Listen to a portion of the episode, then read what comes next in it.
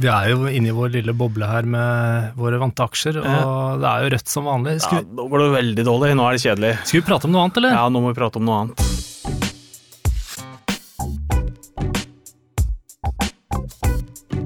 Den minste tissen på børsen.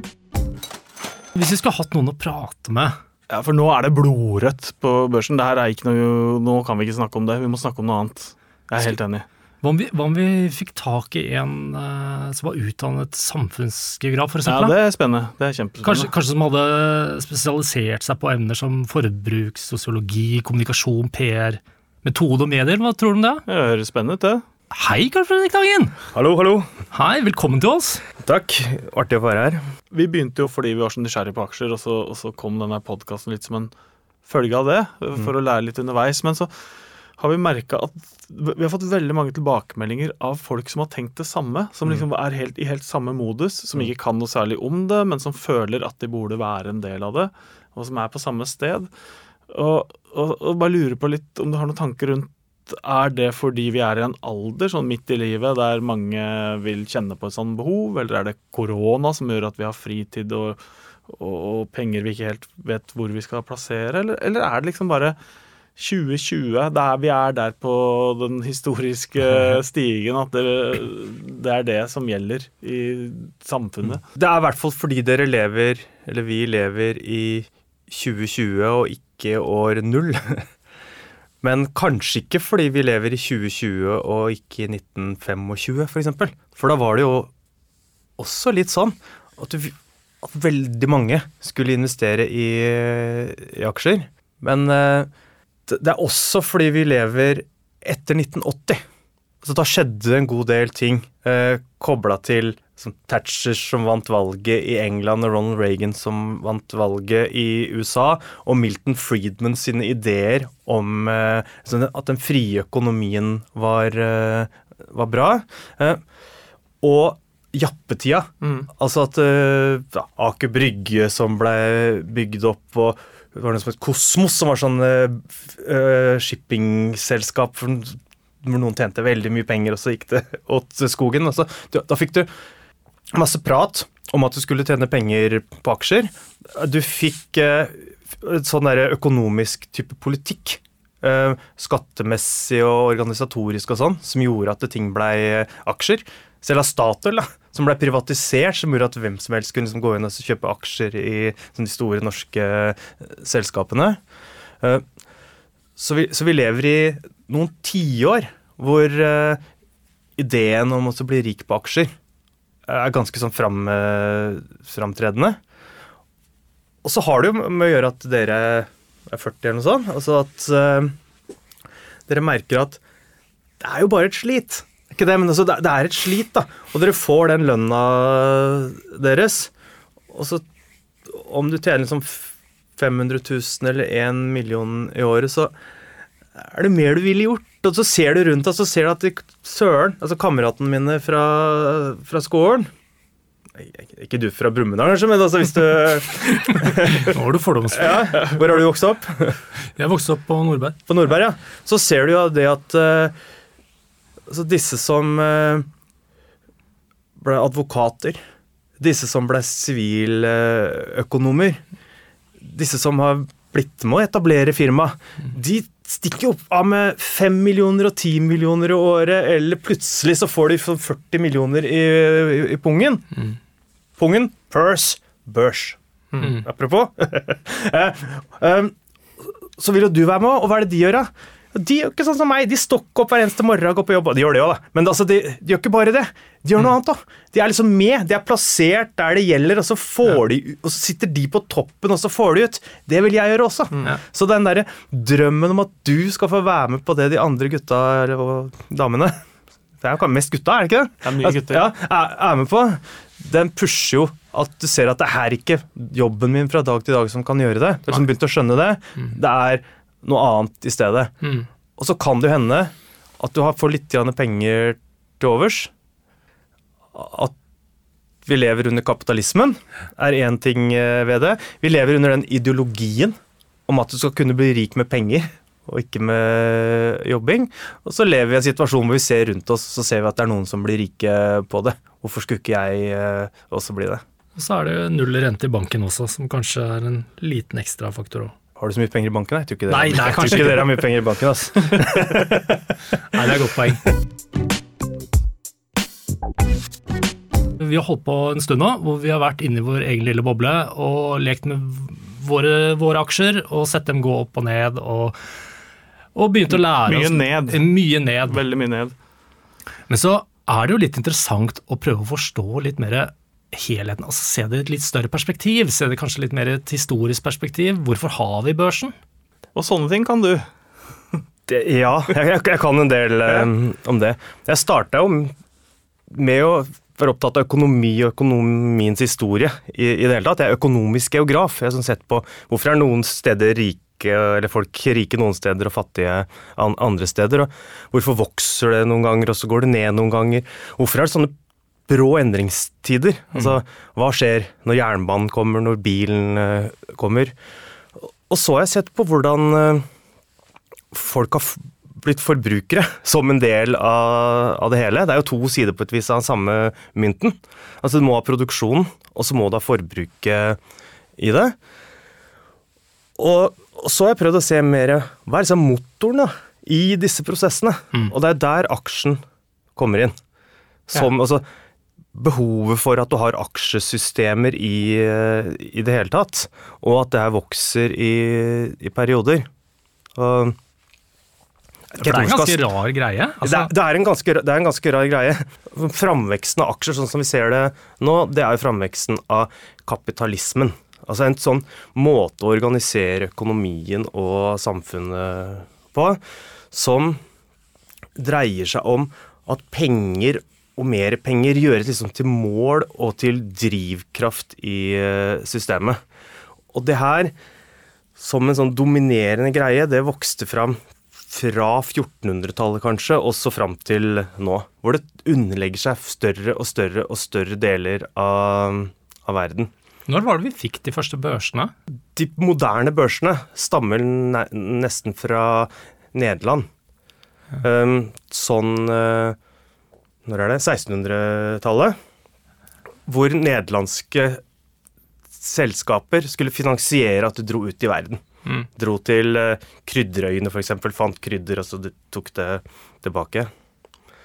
Uh, det fantes jo mark... Altså, en børs er jo et sted for å organisere handel, organisere markedet. Det fantes jo sånne før det også. Det fantes også havneområdene i Aten, Mm. f.eks. Der var det også børslignende greier.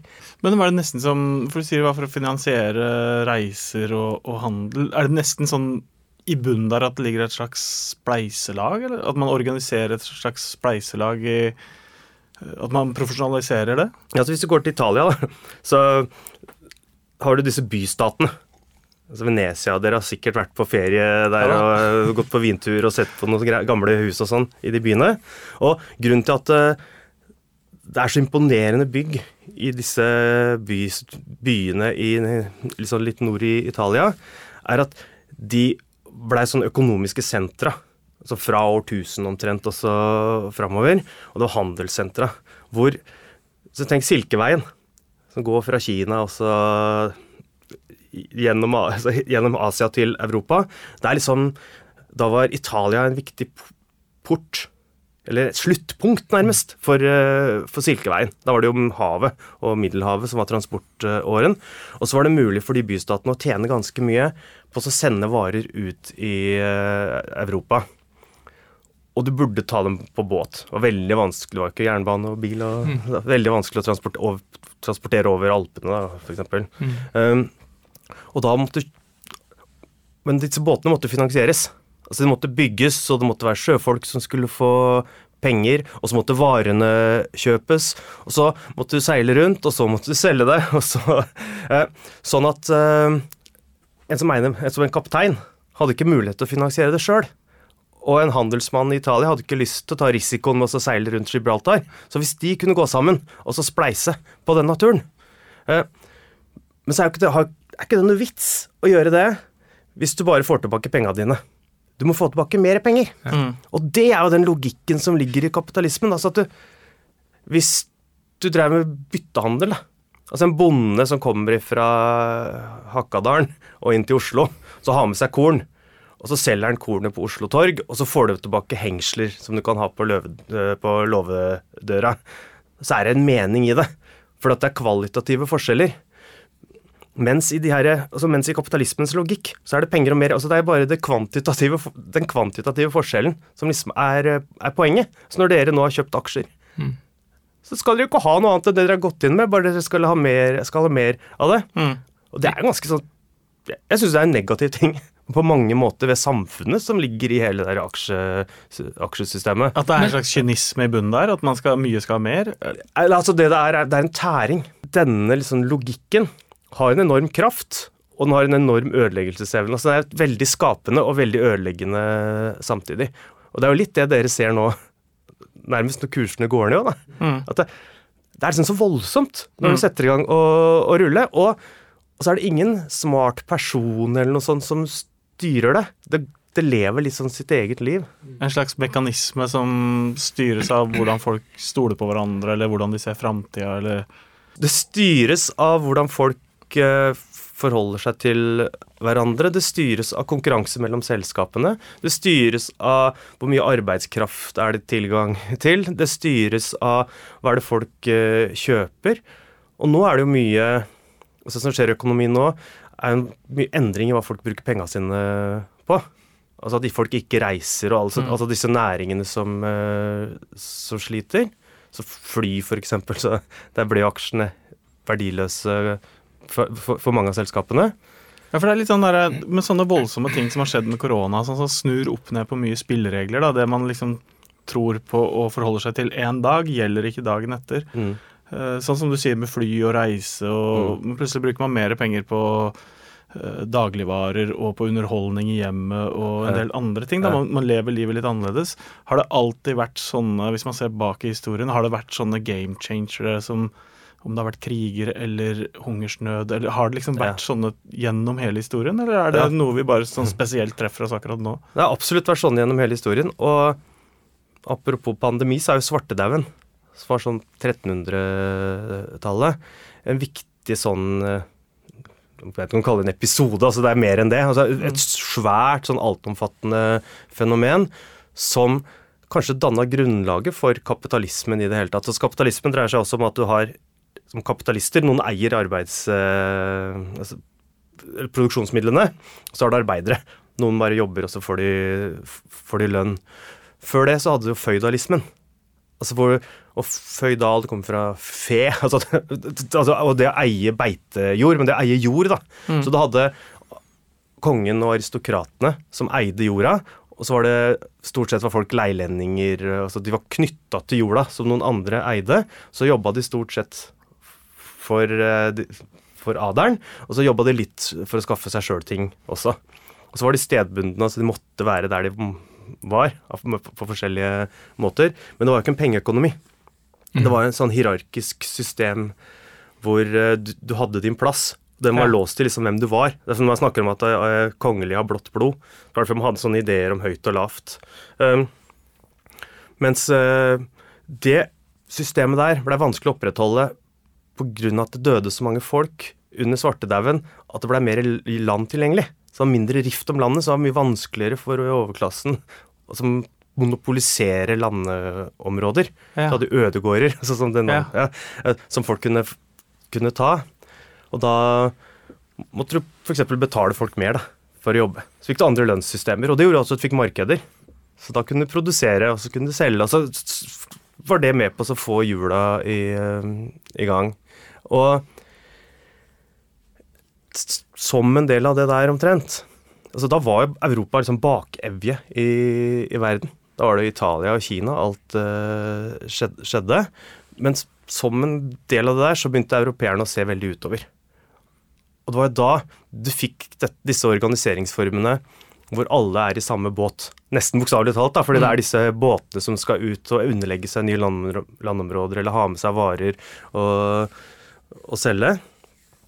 Og så har du den risikoen som er at eh, hvis du går inn i sånne avtaler og ikke klarer liksom å gjøre opp eh, for deg, så havner du i gjeldsfengsel. Altså at det, det er en fare ved å gjøre det. Og det er jo noe av den kaller det for genistrek. Altså noe av den organisatoriske greia da, som gjort at aksjeselskaper har fått sånn kraft over de siste 150 åra, kanskje. Det er aksjeselskapet, eller limited, som det heter på engelsk, altså limited company, som er begrensa, altså begrensa ansvar. Så da kan du gå inn med penger i et aksjeselskap, og så kommer de ikke å ta mer penger av deg. Nei, For du har kun ansvar for det du sjøl har spytta er- Du taper ikke Ja, mer enn du det. taper ikke mer. Og, og samtidig så blir det som du kjøper, det blir et corporation. Korpus, det blir Et kropp. samarbeid. Ko- kropp. Én ting. Altså, det blir en, øh, og sånn at øh, selskaper er liksom som en person. Mm. Mm. Bortsett fra at den ikke dør på den måten. Altså, du kan i prinsippet leve mye lenger enn en øh, person. Så kan de inngå avtaler, det kan kjøpe og selge ting, og det kan eie ting. Altså, det kan, så det kan gjøre mye som en person kan. Så det er grunnen til den begrepslikheten Mm. mellom corpus og corporation og company. Så det er ikke bare det at vi går sammen, men det er også det at vi er, bare, at er liksom ett. Så da eier du liksom noe noe som er nesten, er nesten som en person, men du er ikke ansvarlig helt for det den personen gjør, eller så det den enheten gjør.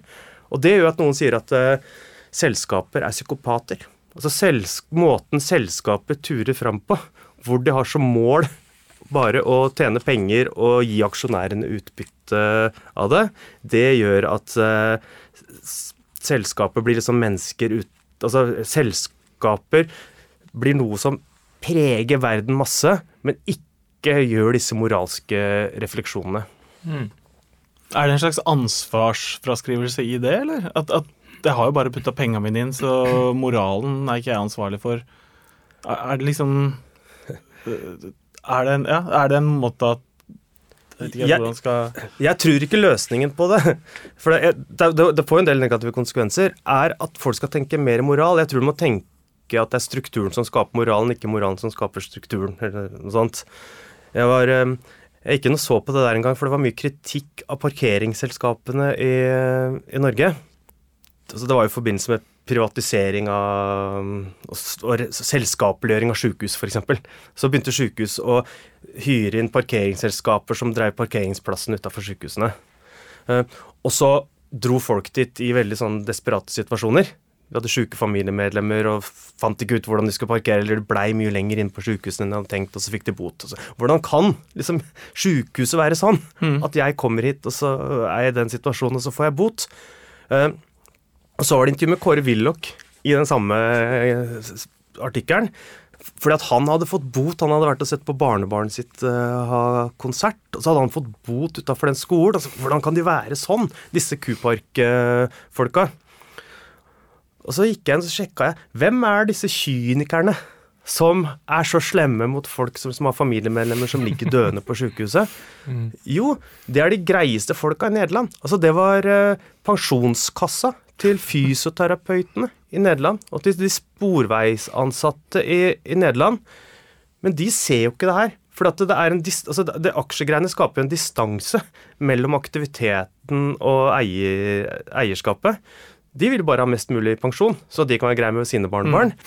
Så, så, så, og, så det eksemplifiserer jo at dette her er ikke dårlige eller bra individer eller noe sånt. Og hvis han sjefen for Kupark sier at ja, vi må være litt greie, og så må vi snakke med folk, og vi må gå i dialog og ha, litt ansvar.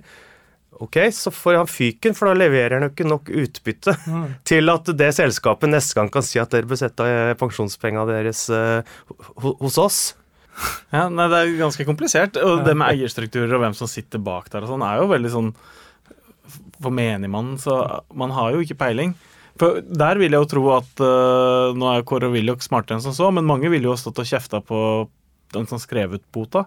Ja, Den du burde kjefta på, det var jo den som privatiserte sykehus, sånn at det blei sånne businessmodeller. Og det var jo Kåre Willoch da han var statsminister på 80-tallet. Så han kjefta jo liksom på seg Altså, han lagde jo den institusjonen som tok bort moralen. Ja. Der hvor han et etterlyste moral. In your face, Kåre Willoch. Jeg har alltid liksom forbindet børs veldig med shipping. Det har vært litt sånn for meg, kanskje Er det derifra, eller er det bare at shipping er en veldig viktig industri på, på børsen? Er det liksom noe historisk der som Jeg syns ikke det er så rart at du tenker det, fordi at da børsene oppsto, så var skip som var transport eh, altså middelet. Um, og transporten har jo nettopp det derre tid og rom-aspektet ved seg. Det tar tid å komme rundt, og du skal andre steder. Og det er også det aksjer gjør. Det, hjelper deg til liksom å flytte aktiviteter i tid og rom, og så er du med eh, allikevel. Og de som tidlig i denne børshistorikken, så var det jo altså, kol kolonialismen.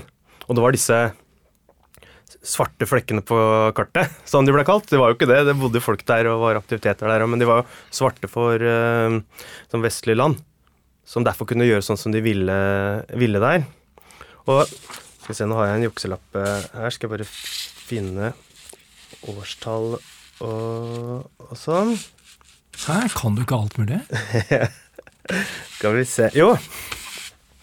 Sånn at som på 1600-1700-tallet så drev jo europeiske land da også og kriga voldsomt, parallelt med at de drev og oppdaga disse nye områdene. Og de var jo sendt ut av regjeringer ofte, disse oppdagerne. Eh, Og da etablerte de selskaper i, altså i Frankrike etablerte selskapet i Mississippi. Mississippi Company. England eh, etablerte det de kalte for South Sea Company. Eh, Som de etablerte da i, USA? i I koloniene, ja. Altså, Mm. Hvor folk skjønte jo ikke hva ikke Kanskje ikke helt hvor det var, og i hvert fall ikke hva det var de holdt på med der. Men de hadde så mye gjeld, så de tok da disse selskapene og klippa i små, små biter. Og så tok de de bitene og klippa i enda mindre biter. Da var det sånne meglere på den tida også, og solgte ut til folk. Og så ble det hysteri, for de tenkte at nå kanskje de finner gull eller altså, det, det greiene da, som de skal, Og de visste ikke helt hva det var, men det var voldsom sånn aksjekursoppgang. Så da kjøpte man virkelig en drøm? Da kjøpte Ja. man at et eller annet skulle skje som man ikke helt hadde kontroll på? Ja, og det blei så krakk som var større enn du kanskje noen gang har eh, sett. Det var på tidlig 1700-tall eh, da. Men det hadde jo vært før òg. Da var det jo tulipanløker. Altså skal finne den magiske tulipanløken i, eh, i Nederland. Det det var det Alexander Dumas skriver om den sorte tulipan. Altså hvordan folk ble hysteriske etter å liksom finne en ny type tulipan. Og så går det noen år, og så glemmer du det litt. Så nå jeg vet ikke når dere er født, ja, men dere, i 87 så var det en sånn svær eh, krise. hvor, eh, hvor også boligprisene gikk ned voldsomt i, i Norge. Ja. Så lærte jo folk at eh, prisene går ikke bare opp på bolig, de kan gå ned 60% Men etter det så har boligprisen gått opp og opp og opp. Så alle da som er født sånn det ble etter 75 altså, Det har jo bare sett et boligmarked som går på vei opp. Så hvis, så, hvis du ikke er veldig sånn historisk opptatt av, så er det veldig lett å tro. Det, er det smarteste jeg kan gjøre, det er å samle sammen penger og så putte det inn eiendom. Og, og, sånn har det jo, og sånn har det jo vært. Men hvis du går lenger tilbake, så er det nesten alltid så kommer det også en sånn, eh, et krakk. Ja, for det er, er noen økonomer som spår boligpris, eh, altså dropp i boligprisen hvert eneste år. Samme folka. Men Mm. de får jo rett til slutt, vil jeg tro. For det er vel, det, før eller senere så kommer det vel et, en regulering? et Må, krakk? må det det? Nei, jeg vet ikke. Det har i hvert fall gjort det hele veien. Altså, men det, er, det har alltid vært sånne nedturer. I 29, da. Mm. Med Black Monday og det, alt det der. Um, I 2008 med finanskrisa. Men så ofte så Om du så kjøper aksjer dagen før det krakket, så kan det være sånn at du 20 år etter har tjent penger, penger på det. Så det er en sånn der langsom vekst uh, også.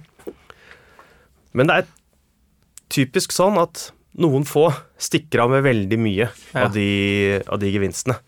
Altså det Aksjemarkedet leiter jo også etter liksom eh, fools. Altså det leiter etter idioter som du, kan, to her. We're here! We're here! sånn du kan kvitte deg med ting hos. Og jeg frykter jo kanskje at Norge kan bli en sånn fool. Hvorfor det? Fordi Norge er et svær aktør. Om det er 2% av verdens aksjeverdier eller noe sånt, så er det norske oljefondet. Så det er mye. Ja. Um, og så skal jo ikke de penga investeres i Norge, de skal investeres i, i utlandet. Um, og så kommer jo da disse nordmennene og vil være internasjonale forretningsfolk.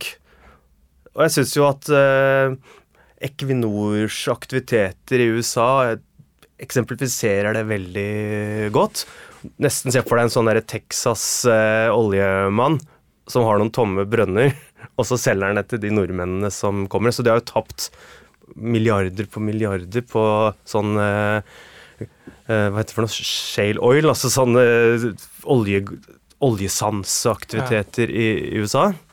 Um, og i hvert fall så er det sånn at alle nordmenn på et vis er aksjonærer da, gjennom oljefondet. Og det betyr jo at vi har bundet oss til eh, mass, altså kapitalistmast. da. Veldig avhengig av vekst og vekst og vekst i økonomi i veldig mange land. Avhengig av at eiendomsprisene ikke krakker i London. At Asia fortsetter å vokse. Altså masse sånne, masse sånne ting. Hvor mye, hvis du teller på antall eh, innbyggere i Norge, hvor mye er det per hode? Jeg er ikke helt sikker på hva det er, men er det sånn 400 000 eller noe sånt? Altså, Det er så mye. Det, det ganske, ganske mye. Og da kan jo også Norge bli er det, Hva heter han? Ulysses, altså Odysseen, som kjørte forbi eh, eh, Hva het det der hvor Altså Sirenene. Han kjørte forbi sirenene, som var sånn at det fikk sjømenn til å gå på grunn. For at de, fri, de var så fristende. Så han fikk eh, ble bundet fast til masta. Og så fikk, og så fikk eh, sjøfolka ørepropper, og så seilte han forbi for han ville høre denne sirenesangen. Um, og at nordmenn er kanskje litt sånn. Vi er avhengig av å ikke høre alt det er det som foregår, som foregår i, i verden. Altså de klimamessige negative konsekvensene av kapitalismen, f.eks. For eksempel. Fordi vi må seile videre, fordi vi har satt alt inn i den skuta. Men se så grønne vi er på børsen for tida. Masse, Ja, det er ganske interessant. eh, Masse grønt der. Det er ganske interessant nå. Ja, for det går bra. Altså, ja. Alt som har grønt i seg, blir grønt på grønne piler. Det er veldig sånn Alle vil jo ha grønne aksjer nå. overdrevet tro på grønne ting. Er det overdrevent? Problemet til kapitalister, altså som har all den kapitalen, er at kapital kan aldri stå stille. Altså det er bevegelsen som er kapitalen. Du setter det inn, altså Du kommer med penger, da, så blir det vare. Altså du må lage greiene. Og så skal du selge det, og så blir det penger igjen. Men de kan du ikke sitte med, det brenner veldig, de der penga. Ehm, Så det må bli nye varer. Så du må holde på sånn hele tida. Må sette penga et eller annet sted, så må noen gjøre noe med de penga. Og det er et problem nå Altså Bankene er jo sånt sted hvor du kan sette penga, så er det ikke så, mye sånn, altså er det ikke så stor risiko. Men nå er det ikke rente. Mm. Og det er, da blir det det samme som at penga står stille. Så det kan du ikke gjøre. Du må sette dem andre steder. Og så er det masse risiko rundt eh, Jeg kan ikke sette det i flyselskaper, for det går gærent. Jeg kan ikke sette det i hoteller, for det går eh, gærent. Eh, jeg kan ikke sette det i USA, for det, der er det borgerkrig omtrent. Altså, hvor kan jeg gå hen med pengene hvor jeg kan få avkastning og det ikke er så mye risiko appåtil? Og da er det jo alltid noen som klarer å framstå som sånne trygge havner. Se her. Og det er det tror jeg som sånne grønne investeringer har gjort nå. Det det er med dem, er at de har sånn mye dårligere forhold mellom hva de tjener og hva de koster, enn mange andre selskaper. Så, så det er enda mer forventninger om noe som skal skje framover der. Altså, Myndighetene vil fortsette å tilrettelegge for uh, vindkraft, f.eks. Mm. Eh, Forbrukerne vil etterspørre at varene er økologiske. Masse, masse krav til det som skal skje framover. Ja, Man kjøper en tro langt, langt fremme der. Framtidstro. Ja, mye mindre det du tenker er at det fins en idiot, en større idiot i framtida. Altså hvis du nå kjøper grønne aksjer, og så bestemmer politikerne at oljefondet må ha enda mer satsing på grønt. Altså de kan jo bestemme litt om fordeling og sånn av oljefondets aksjer. Og så får du solgt til oljefondet før det viser seg at dette her er ikke lønnsomt uh, allikevel. Så, så det er jo ikke alltid at de som investerer har tro på sjølve den substansielle aktiviteten. Det kan hende at de har tro på aksjen nettopp som en sånn finansobjekt. Jeg syns det er vanskelig det der med Jeg skjønner liksom når vi snakker tilbake til eh, erobrere og man skal ta nye kontinenter, så skjønner jeg at det er en sånn stor tro på at der finner vi mineraler eller naturprodukter. Det er liksom en stor gevinst i andre enden som ingen eier, eller noen eier det, men vi tar det. Men nå, altså at man skal ha den voldsomme veksten nå, er liksom vanskeligere, for nå har vi jo brukt opp veldig mye av det som er ressurser. Hvor er liksom den veksten skal hentes? Hvor mange datamaskiner skal hver og en ha? Og, og datamaskiner er også avhengig av de mineralene som det begynner å bli knapphet på. Og liksom, hvor skal den veksten hentes fra? millioner av mennesker uavhengig av hverandre ser liksom etter mulighet til å tjene penger. Folk med kapital som skal gi det til noen andre, og folk som skal ha kapital som skal gjøre, gjøre aktiviteter. Folk har jo spådd at nå kommer det til å gå gærent. Du må huske at kapitalismen har altså Hvis den har vart i 500 år, da, så varte jo Romerriket kanskje i 1000 år. Og Kina har hatt sånne storhetsperioder som har gått over 3000 år, så det er ikke så Altså Det kan gå gærent selv om det har vist seg at det har overklart å overleve noen, eh, noen hundre år. Men i hvert fall i den perioden så har folk spådd at nå går det gærent. Malthus, f.eks., som var prest og økonom og demograf på tidlig 1800-tall, eh, vel, han sa det at eh, mens eh, befolkningen vokser eksponentielt, altså en sånn graf som bare får en sånn kurve som går rett i taket, så vokser matproduksjon, så bare dobles matproduksjonen seg, så det får en lineær utvikling, rettlinja. Og det gjør at snart så vil det bli tomt for mat. Problemet er ikke mat, altså det er mat nok.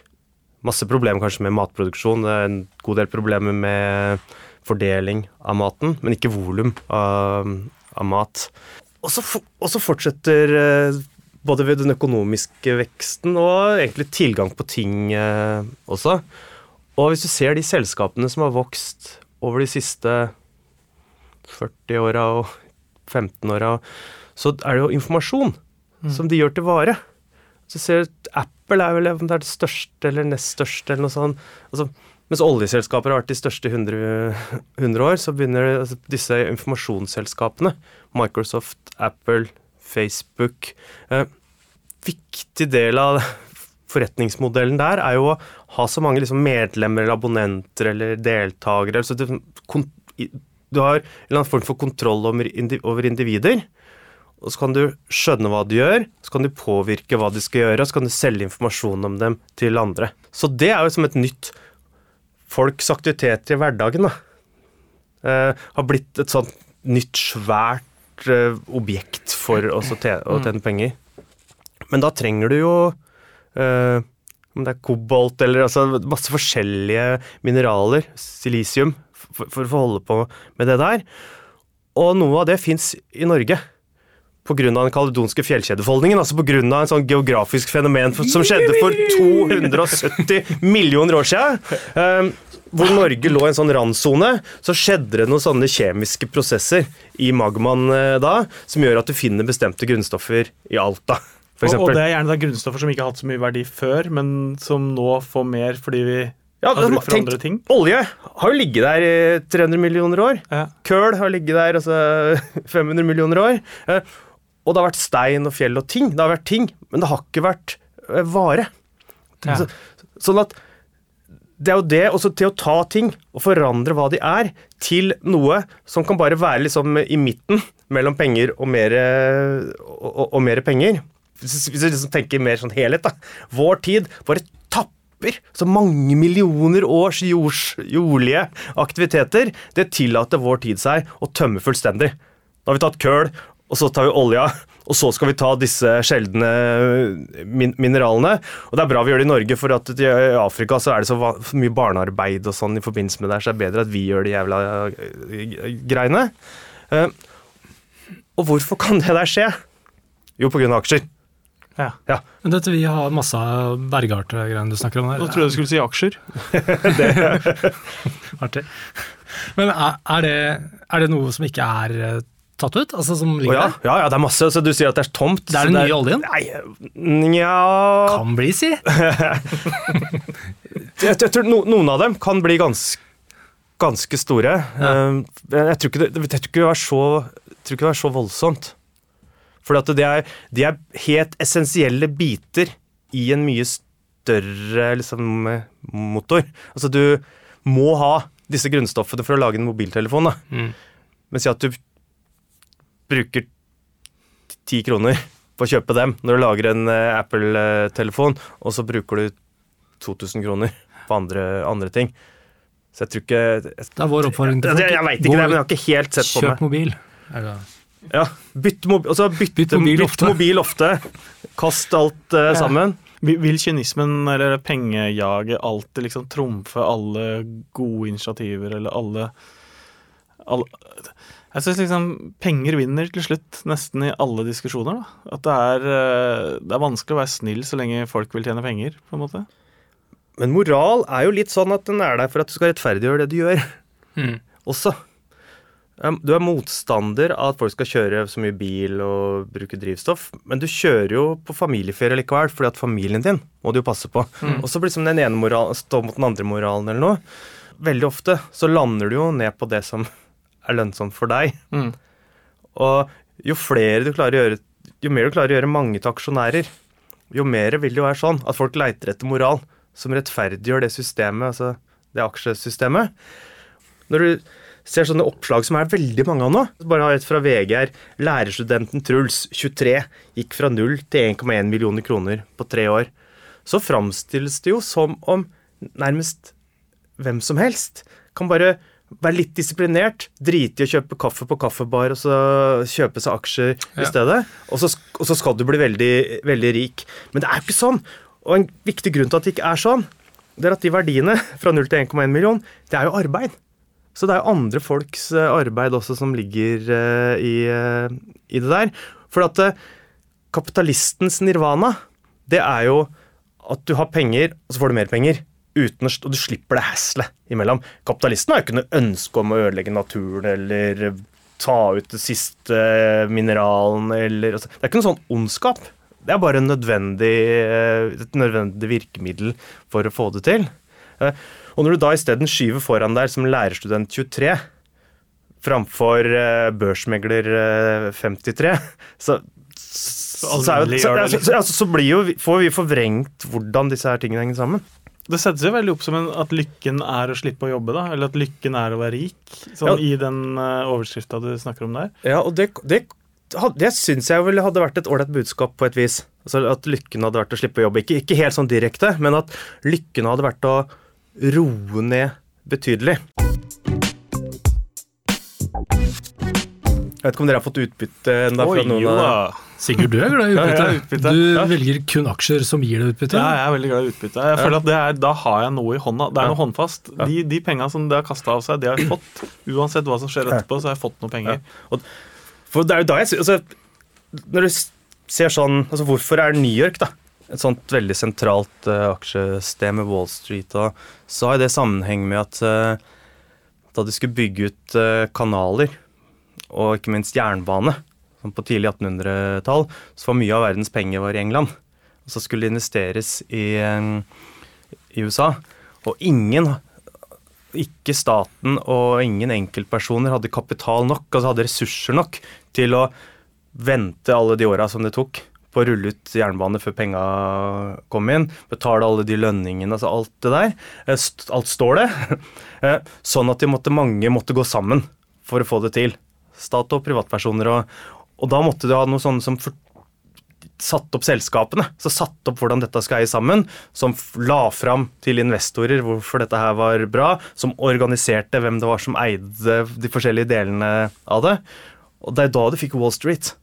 Og Murray Lynch og alle disse bankene og eh, Så børsen i, Altså- i USA starta for å finansiere jernbane. Ja, USA som en sånn finanssentrum starta på mange måter for å finansiere jernbane, og etter hvert disse store konglomeratene, altså disse store, enorme hierarkiske selskapene, DuPont, altså sånn eh, energiselskap, nei, kjemikalieselskap f.eks., eh, som ser de fabrikkene i Philadelphia og Detroit, og som hvor svære de er. Så er mye, mye, mye ressurser som skal til før du skal begynne å tjene penger.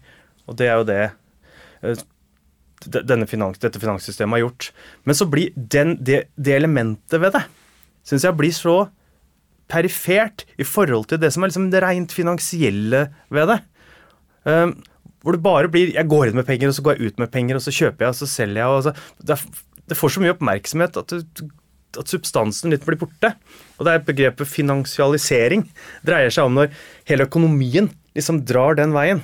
Og det Hvis du ser på krisa i 2008, da, Hvorfor kom den? Så var det jo I åra før det så vokste jo Kina veldig fram som eh, et sånt produksjonssenter i, i verden. Og USA er jo et kjempemarked.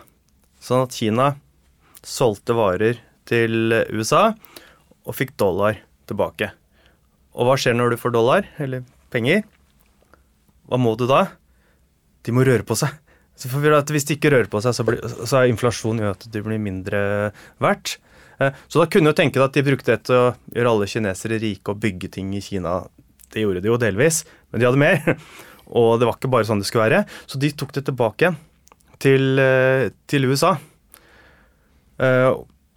Kjøpe selskaper. Men de brukte det også for å låne ut penger til amerikanere. Så det ble mye penger tilgjengelig. Mye penger, mye mer penger i USA uten at de ble flinkere til å produsere ting eller noe sånt i, i USA. Men da var det lånte penger? Lånte penger, ja. Ja. Så det, og da gikk det altså Da var det jo sånn um, altså, Da hadde jo de store bankene gikk til mindre banker, som gikk til sånne uh, selgere. Som gikk på dørene til folk i campingvogn og sa de at eh, Hvorfor skal du bo her i campingvogna? Burde ikke du ha hus i, i stedet?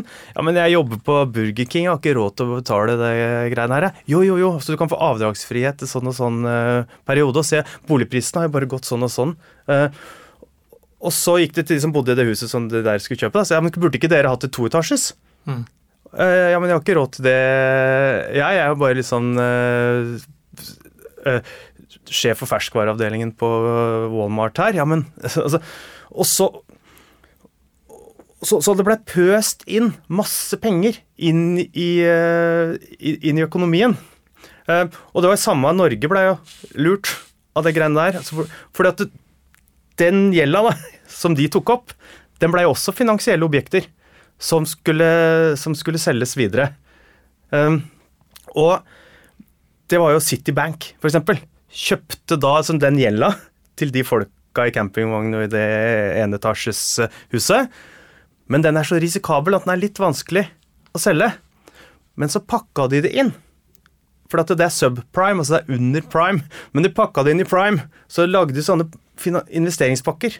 Eh, og, så til, og så fikk de Terra Bank til å selge det her til norske kommuner. Så den Terra-krisa Ah, hadde jo sammenheng med varer fra Kina til USA, penger fra USA til uh, Kina. uh, nei, hva, jo, ja, penger fra USA til Kina, ja. Penger tilbake igjen til USA, som igjen skulle bli enda større ved sånn finansgreier. Og, så- og så må du bevege deg og bevege deg.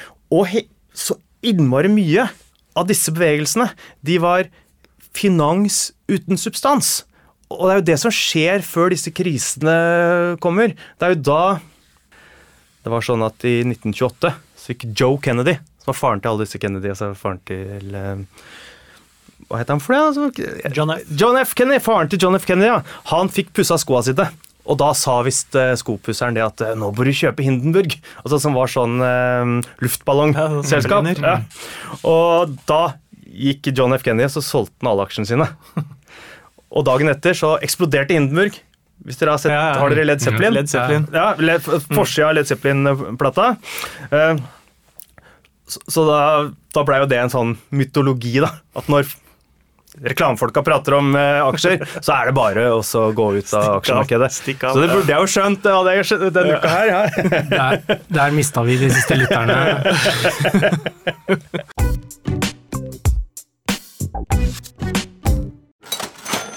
Er det mulig å tenke seg verden vi lever i nå uten børs i det hele tatt? Hvordan ville verden sett ut i dag, da?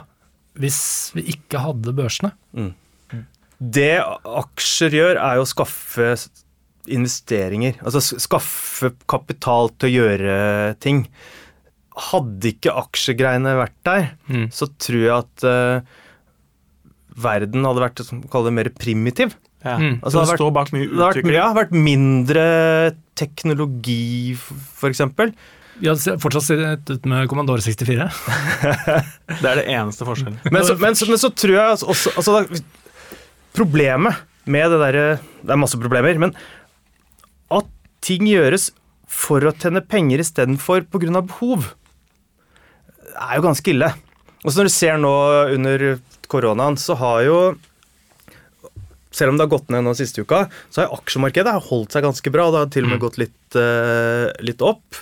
Folk som jobber i utelivsbransjen, lider som bare av det. Um, folk som jobber i flyselskaper, uh, lider. Altså, noen får gevinsten, andre får uh, tapet. Vi har ikke en sånn verden hvor folk sitter Altså hvor folk solidarisk deler skjebne når liksom ulykken rammer. Jeg tror jeg kunne leita etter et altså, Leita etter et system som i mindre grad skapte skeivhet enn det sånne aksjer eh, bidrar til. Aksjer skaper jo mye skeivhet. Det forsterker forskjeller. Hva er det som hindrer oss? Det er, det, er vel 1% av verdens befolkning eier 50 av verdia, eller et eller annet sånt. Det er veldig, veldig, noen få eier Mm. Og det, blitt, ekstremt og det har blitt mer over de siste 30 åra, så har jo det forsterka seg mye. At både at de på toppen eier mer, og at de i midten har sånn ramla nedover eh, i- Gapet har blitt større, på Ja. en måte. Men hva er det som hindrer de 99, eller oss, da, oss 99% å bare bruke makt og, og gjøre om på det, liksom? Bare restarte, fordele de midlene? Hva, hva er det som holder oss i, i tømmene, på en måte? Ja, det er, det er mange som, som har spurt eh, om, og som har sett hva har skjedd når altså disse revolusjonene har funnet sted, sånn som i, i Frankrike. Så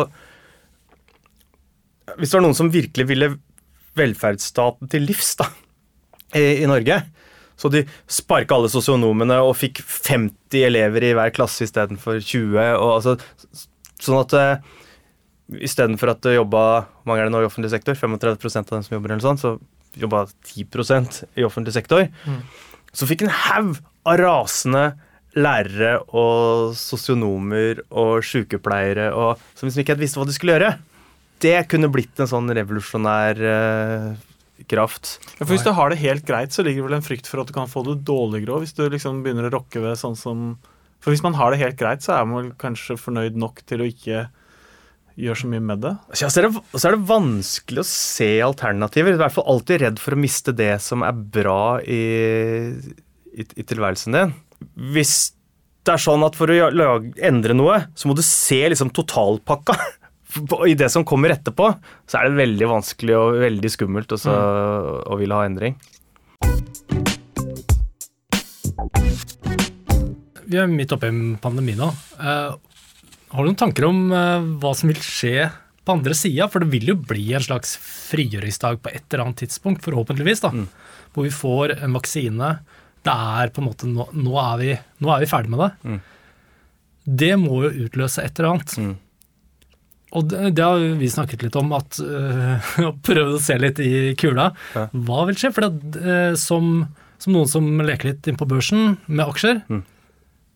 Så hadde det vært veldig spennende å vite. Ja, Å plassere, plassere seg i de selskapene som, Vær, litt som, som, som vinner det som skjer eh, etterpå. Jeg tror kanskje at folk lærer litt om hvordan de vil leve livet sitt. For du får du testa andre måter å leve på, uh, ufrivillig. Altså testa å jobbe hjemme. Testa kanskje å ha det litt uh, roligere. Testa å reise mindre. Og folk savner jo reisinga si. Folk savner kanskje ikke å være på jobben eh, hver, hver dag. Um, de tinga som folk nå får testa, som de ikke har kunnet eller våget eller sånn å teste Altså Hvis du finner noen firmaer som, som leverer uh, løsninger der, der tror jeg det kan være noe å, Men al- å hente. Alt du sier der er ganske sånn myke, varme, positive verdier og bieffekter. da. det som har skjedd vi har jo, Nå har jo du fått sett i Norge, versus kanskje i USA f.eks., at folk er ganske villige til å ofre mye, til å gjøre ganske store forandringer, hvis de har følelsen av at dette er noe alle er med på. Og jeg syns jo at det forholdet mellom reaksjon på korona og reaksjon på sånn klima- og naturødeleggelse er ganske interessant. Ja. For det har vært mye snakk om, og så var det på 80-tallet også, altså perioder at nå er det høl i ozonlaget, eller eh, CO, for mye CO2-utslipp, eller det blir for varmt, eller det blir for kaldt også. Det går litt opp og ned hva det er som eh, skjer, men hele tida altså at all denne økonomiske aktiviteten, alle varene, all produksjonen, eh, det ødelegger for mangfoldet i verden og for muligheten for, liksom, for, for jorda framover. Og så har det, vært, så har det skullet gjøre noe. Men det er ingenting som har skjedd ordentlig. Altså Hvis du ser på CO2-utslipp, f.eks., så har det bare gått ned i 2008. Altså pga. finanskrisa. Pga. Ja. Eh, altså reduksjon i økonomisk eh, aktivitet. Og nå. Og nå. Mm. Så jeg tror at disse som har liksom kjempa naturens sak, de har fått en innsikt, og folk ellers også har fått en innsikt, som kan brukes i argumentet for hva som det er mulig å gjøre. For eksempel så har jo flyving vært en sånn ting som har vært eh, diskutert. Flyskam, da. Det var så mye snakk om flyskam, og flyving går ned i Sverige. Altså, gikk ned 1% eller eh, Mens nå så er jo flyving blitt borte. Så det, det, viser at det er liksom ikke skam. Det er ikke det, det er, det, er ikke, det er ikke å putte på skam på folk. Og da blir det heller ikke samfunnsansvar. da. Det blir heller ikke at bedriftene skal liksom prøve å bli gode for å tilfredsstille forbrukerne. Det er mer sånn ordentlig reguleringstiltak som preger alle. Det er det som må til. Så jeg skulle ikke forbause meg, ja. du må tvinge ja, fordi, mer enn å oppfordre til? Jeg skulle ikke forbause meg om vi får lettere å få gjennomslag for hardere sånn eh, politisk regulering i miljøtematikken. De har jo skrudd sammen sånn at vi glemmer jo fort. Ja. Så, selv om vi nå sitter midt oppi noe hvor vi får tid til å sitte og tenke, og, og, faktisk nå blir eh, Nå går CO2-utslippene ned, og det er mye man kan krysse på som er bra. og sånn, så Idet vi har vaksina, idet frigjøringsdagen er der, så, så er det jo Tut og kjør, ja? Ja, da er det tut og kjør. Da er frem med badebuksa og dra ned til Tenerife, er det ikke det? I, um... sånn som XXL, det er, det er sånn veldig sånn konkret eksempel på Nå har de gjort det kjempebra, det er en aksje jeg har. De har gjort det kjempebra, eh, fordi man har nå hatt sikkert tid til å bruke landet sitt. ikke sant? Man har mye mer eh, fritid. Det har vært en tid hvor man eh, hvor det å komme seg ut i naturen kanskje er eh, en større glede enn det det har vært tidligere. Viktigere for folk. Koster mer for en sånn allværsjakke enn en badebukse. ja. Og, men det, det, er jo en sånn tydelig ting som man nesten kunne forutsi eh, i forkant av rapporten som kom nå, hvor, de, hvor det viste seg at tredje kvartal hadde vært veldig bra. Mm. Men, men og har det ikke delvis forutsatt da? Altså Kursen gikk jo ned istedenfor opp da da trodde den skulle gå opp fordi ja, de leverte resultatene. Så det sier jo noe om at det, det, det var investorer gjør analyser. Ja. Men, men, vil det tilsi at, at man vil fortsette å glede seg over landet sitt og kjøpe teltutstyr? Ja. Blir det det, altså, det, vil jo være, det er jo en jeg kan ha meninger om hvem som vinner, men det kommer til å være en kamp, i hvert fall. Ja. Og det skulle ikke forbause meg om ting blir sånn som før, mm. På syre. Altså det, det, det, det kan godt hende. Men jeg håper at den roen og den dempinga Altså, verden trenger ikke vekst og fart. Verden trenger ro. Og, og jeg håper at det blir uttaket av denne tida. Ja, for samfunnet går på litt lavere puls nå. Jeg ja. føler man liksom har gått litt sånn inn i dvale. Alle slapper litt mer av, ja. sjøl om man har et sånn ja. monster hengende over seg. Så. Men aksjer trenger fart. Ja, Så absolutt. Ja, så, så det er uh, sånn at uh, hele Altså det at aksjonærer ligger og pusher bak på dem som driver virksomhet i, i verden, det er til fordel for dem som vil virkelig få opp farta i økonomien igjen. Ehm, jeg tror de vinner. Jeg håper at det er noen andre som vinner. Hvis du hadde noe til det, så kan Nei, bare en oppfordring om å kjøpe Tui og Ving-aksjer. Og også Norwegian. og Norwegian for din del, da. Ja, også Norwegian. Børs og aksjer, er det et rettferdig system? Er det sånn, For alle har jo i utgangspunktet så har jo alle muligheter for å handle det de vil der, men man må jo ha midler for å kunne være med på, på festen. Er det, er det, liksom bare skaper det enda mer ulikheter, eller er det liksom falsk drøm?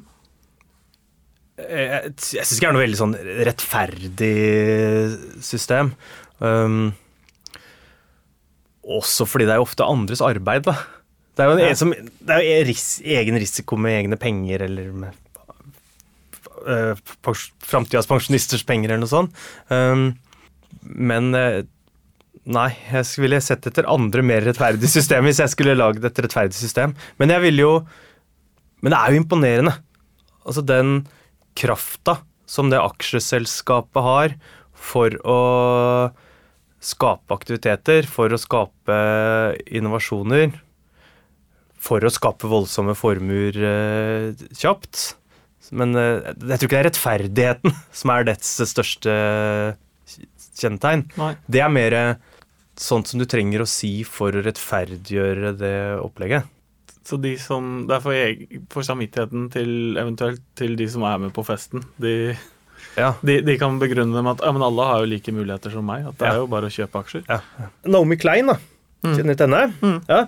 Som jo har skrevet den refsende No Logo. Novlogo-boka. Men eh, hun har også skrevet en bok som heter Sjokkdoktrinen. Som eh, Hvor hun tar for seg hva gjør liksom kapitalister når det er krise. Mm. Jo, de går inn og tar over større del av samfunnet. Ja. Går inn og privatiserer mer. Er Hellas og vannkraftverka og strømmen. Um, Det er jo også noe som kan skje nå, da. Og får vi så dårlig råd etter koronaen. Altså at enda mer av det som liksom er offentlig, blir, eh, blir privatisert. Og at eh, de som har, går over og tar over enda mer. Og sånn har det jo vært ei stund. At verden er skrudd sammen sånn at dem som har, får, uh, får mer. Jeg vet ikke om dere har en bibel her, jeg. Kristoffer har kanskje en i bakgrunnen. Så jeg tok med litt her fra, fra Bibelen, da. Bare sånn uh, For å minne dere om hva dere lærte på søndagsskolen. ja, ikke sant? Ja, Husker dere at Josef tyda faraos drømmer? Ja, den er god. Hæ? Nei, jeg husker ikke. Husker ikke? Nei, det må bare friskes opp litt. Dannelsesnivå, ass. Ja. Men det er jo da jødene var i Egypt, og de var slaver under eh, farao. Og så drømte farao. Han drømte at eh, han sto ved Nilen, og så så han sju feite kyr som gikk opp eh, fra Nilen, og så så han to sånn sju magre kyr som gikk opp eh, fra Nilen.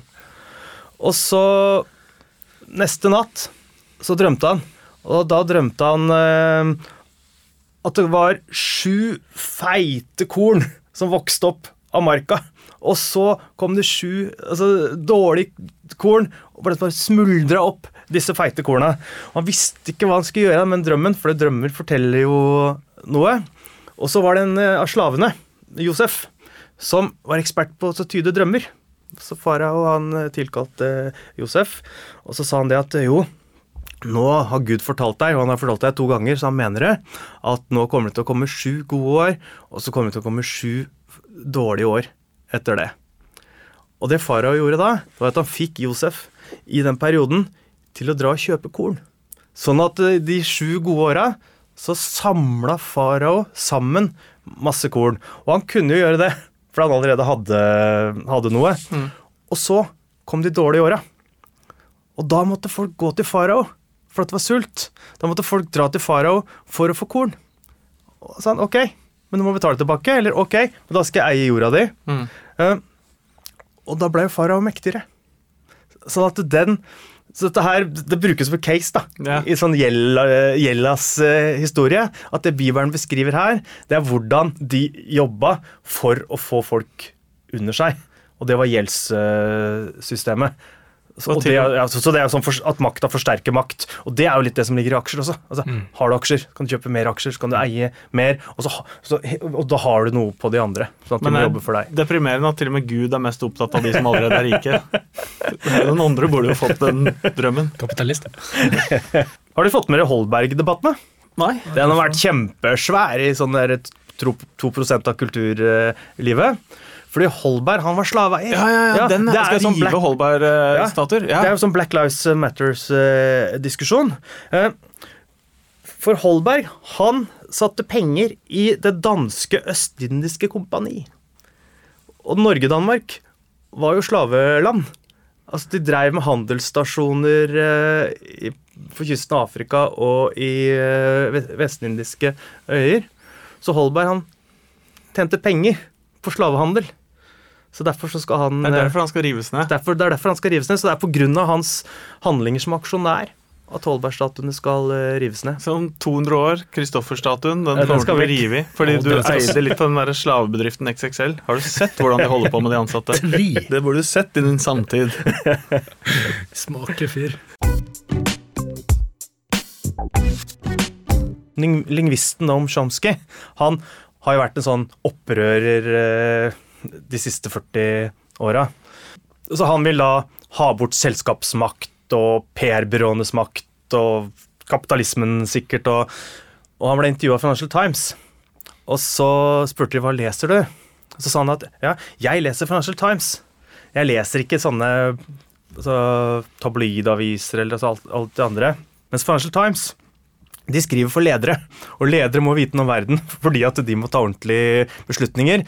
Så han mente jo litt det at hvis du virkelig setter deg inn i hva som skjer som i finanssfæren, så har du mye større mulighet til å skjønne hvordan du skal få makt ellers i verden mm. også. Så sånn sett så er jo det prosjektet deres et uh, revolusjonært uh, prosjekt uh, fra reklamebransjen i Norge. Det liker vi å høre. Vi skal hvelve de der 1% på toppen. Watch out. Før jeg kom hit i dag, så leika jeg litt med tanken på å lage et sånt kurs à la det dere holder på med. altså pens, pensumliste. Og for dem som vil vite noe om, eh, om børsen. Ja, det er kult. Men så er det jo sånn at pensum skal være 750 sider for 15 studiepoeng, eller hva hva det er for noe. Så mange sider har jeg aldri lest det. Nei, og, men den blei jo altfor lang. Men jeg syns jo at eh, dere burde lagt ut noen bøker til eh, lytterne deres. Ja, det så det burde vært noen sånne tips. Dette her skal du lese. Og da ville jeg sagt at du må lese 'Kapitalen' av Marx. Selvfølgelig. Ja. For, men eh, Og, og ikke bare det korte Nei, nei, må- kompendiet. Du må lese tyske originalen. kult. Nei, men det, vi, skal, det, vi skal legge ut de Og hvis du har Carl flere òg, så legger vi Fredriks eh, boktips ja, det, kommer på en Instagram. Her. Men deg. Eh, vi burde starta et firma, da. Så kunne dere satt inn penger, og så kunne jeg tatt ut lønn for det her boktips-greiene. Smart! Dere trenger jo sånne fools. ja. I'm in! Men Carl eh, Fredrik, tusen hjertelig takk for at du tok deg turen. Var, Bare eh, hyggelig. Det har vært veldig hyggelig. Veldig interessant. Vi Takk. har jo ikke snakka noe aksje-NM i denne episoden. her. Det er sikkert litt rart, men det er fordi det går så ad undas at jeg får heller ta en sånn oppsummering på neste uke. det blir en kort episode neste uke. Nei, men eh, Skal vi si det sånn, da? Yes, Takk til Eskil Pint og både og. Og så sier vi bare Vi hørs. vi hørs. Den minste tissen på børsen.